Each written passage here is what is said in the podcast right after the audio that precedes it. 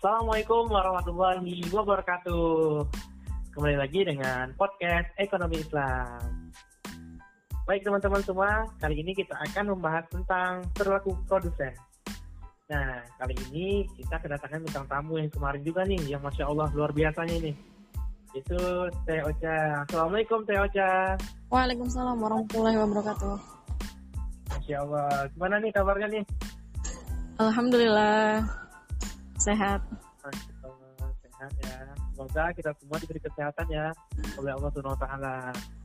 Jadi gini Teh, kita akan membahas tentang perilaku produsen.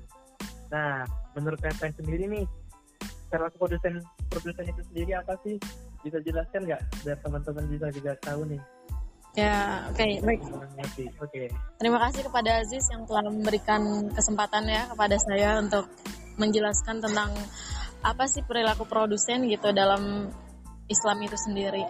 Nah, sebelum masuk ke pembahasan itu, eh, saya di sini akan menjelaskan dulu tentang apa itu arti dari produksi. Jadi, produksi itu adalah eh, rangkaian aktivitas ekonomi yang mana tidak akan pernah ada aktivitas konsumsi, distribusi ataupun perdagangan tanpa diawali oleh proses produksi. Jadi produk proses produksi ini tuh salah satu urat nadinya yang ada di ekonomi gitu. Nah, untuk itulah aktivitas produksi sangat penting dalam kehidupan manusia. Jadi kegiatan produksi itu sendiri eh, yang berkegiatan menghasilkan barang dan jasa. Untuk menghasilkan suatu barang atau jasa dibutuhkan keterlibatan banyak faktor produksi. Nah, pada umumnya itu faktor produksi sendiri melibatkan adanya alam, tenaga kerja, modal, dan kewirausahaan. Nah, nanti kita akan bahas ya tentang faktor-faktor itu sendiri. Nah, sekarang eh, gimana sih gitu perilaku produsennya itu sendiri menurut Islam? Nah, kalau dalam ekonomi konvensional itu, teori produksi ditujukan untuk memberikan pemahaman tentang perilaku perusahaan dalam membeli dan menggunakan masukan untuk produksi dan menjual kelu- keluaran atau produk.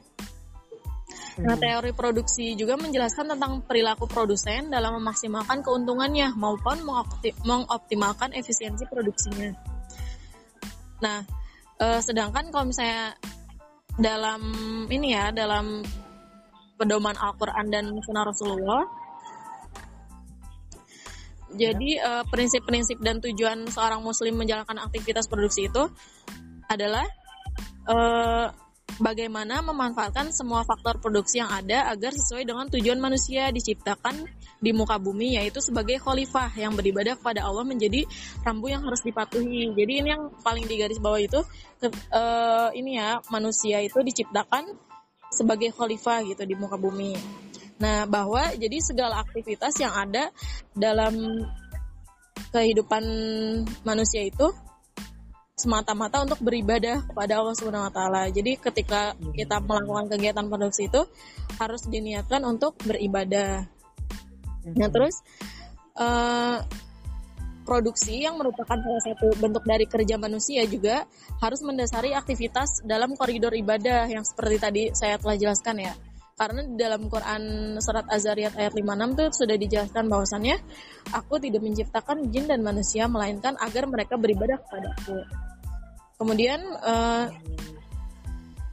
eh, prinsip-prinsip produksi itu juga eh, dijelaskan ya, yaitu yang tadi yang tentang khalifah, kemudian kita melakukan aktivitas itu harus sesuai harus niatkan untuk ibadah.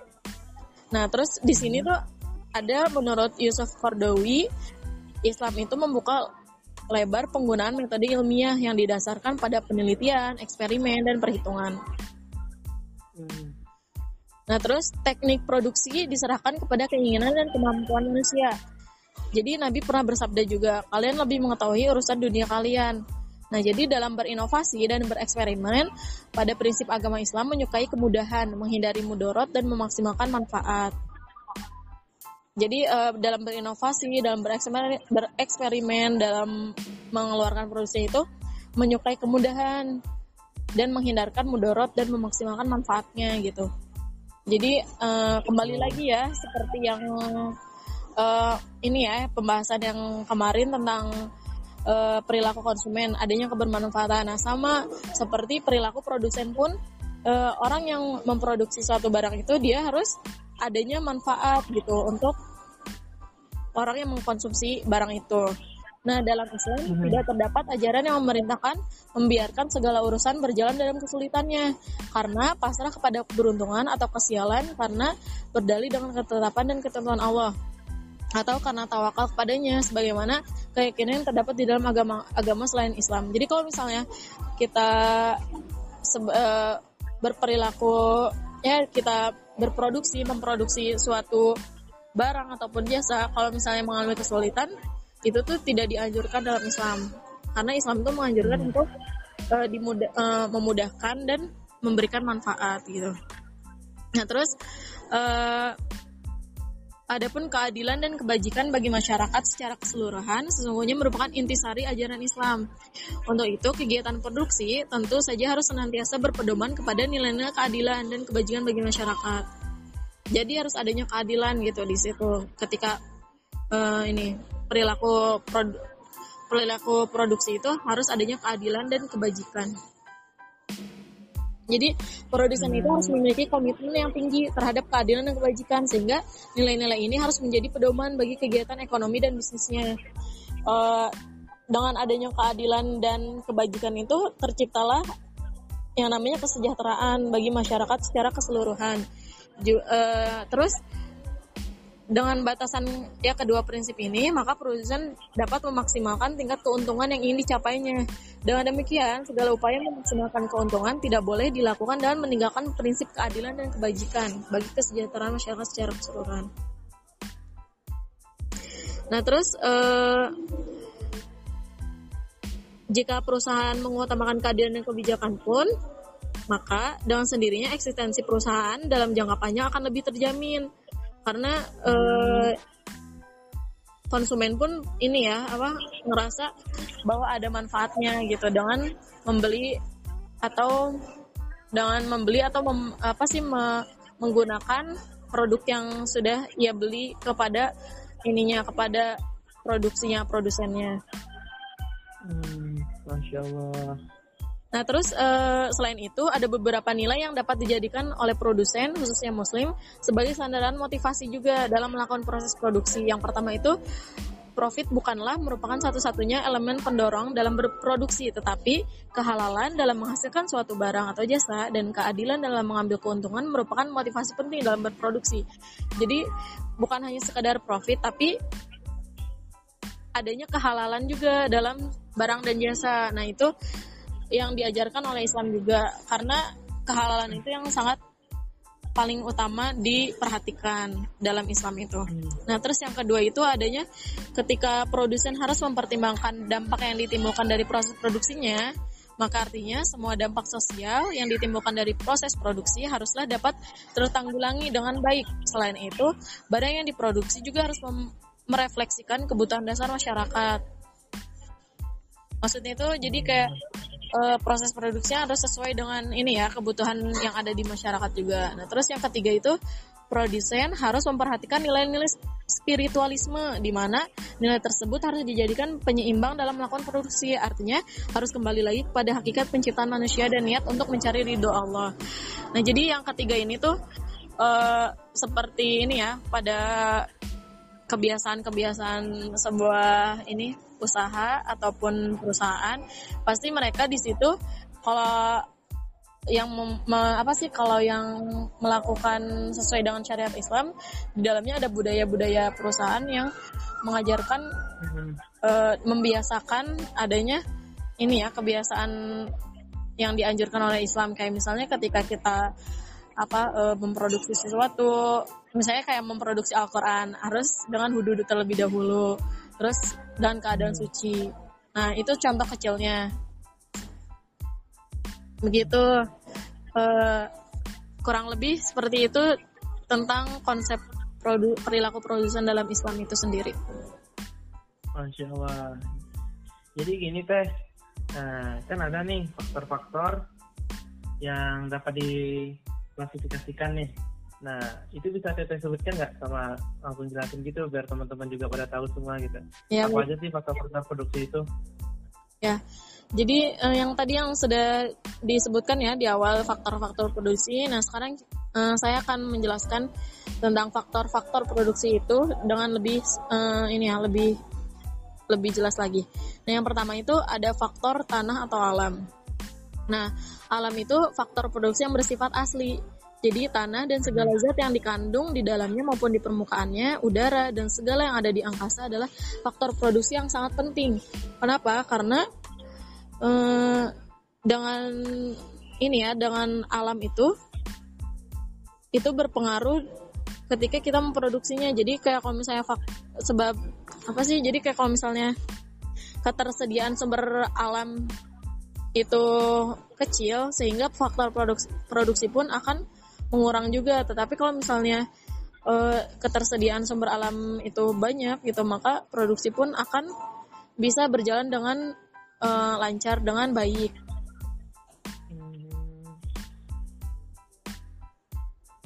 Nah, terus yang kedua itu ada tenaga kerja. Nah, secara umum para ahli ekonomi pendapat bahwa tenaga kerja itulah produsen satu-satunya dan tenaga kerjalah pangkal produktivitas dari semua faktor produksi yang lain. Alam maupun tanah takkan bisa menghasilkan apa-apa tanpa tenaga kerja. Jadi eh, emang tenaga kerja ini tuh yang paling ininya ya, yang paling penting ya dalam proses produksi itu sendiri karena uh, tenaga kerja ini tuh yang akan menghasilkan produknya gitu.